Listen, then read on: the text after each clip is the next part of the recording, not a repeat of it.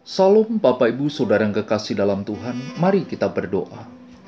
Bapa di dalam surga, tenangkan hati, berikan hikmatmu, kami akan belajar firmanmu. Di dalam nama Yesus, amin. Tema renungan hari ini, menerima hal yang kudus dan berharga. Matius pasal 7 ayat 6 berkata, Jangan kamu memberikan barang yang kudus kepada anjing dan jangan kamu melemparkan mutiaramu kepada babi, supaya jangan diinjak-injaknya dengan kakinya, lalu ia berbalik mengoyak kamu. Arti menerima adalah mendapat, menganggap, mengizinkan, menyambut, mengambil, mendapat, menampung, menyetujui. Arti kata kudus adalah suci, murni sedangkan arti berharga adalah nilai barang yang ditentukan atau dirupakan dengan uang, jumlah uang atau alat tukar lain yang senilai, kehormatan, guna, arti, kepentingan. Jangan kamu memberikan barang yang kudus kepada anjing, dan jangan kamu melemparkan kepada babi, supaya jangan diinjak-injaknya dengan kakinya, lalu berbalik mengoyak kamu Ungkapan yang diucapkan Yesus artinya orang-orang tertentu tidak cocok, tidak pantas, dan tidak mampu menerima berita yang ingin disampaikan kepada mereka.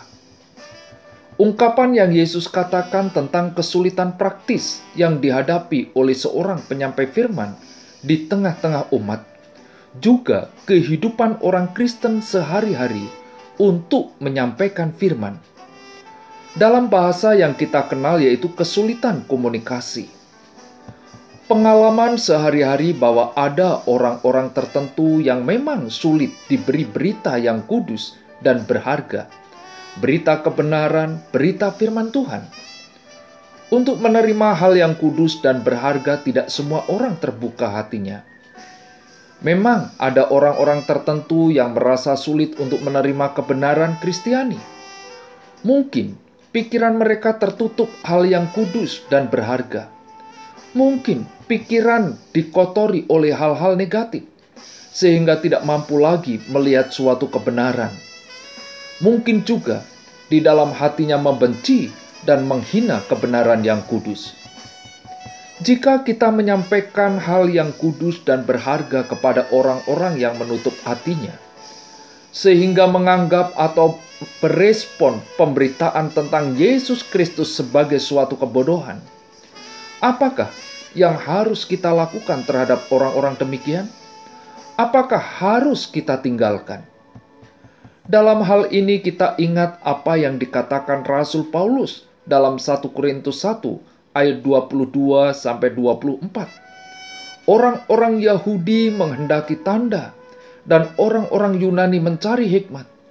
Tetapi kami memberitakan Kristus yang disalibkan untuk orang-orang Yahudi suatu batu sandungan dan untuk orang-orang bukan Yahudi suatu kebodohan.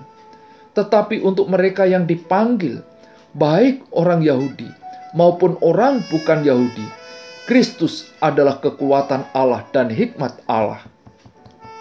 Kita tidak bisa melakukan dengan perkataan, Mungkin orang tersebut sudah membutakan diri dan menebalkan telinga tidak menerima hal yang kudus dan berharga.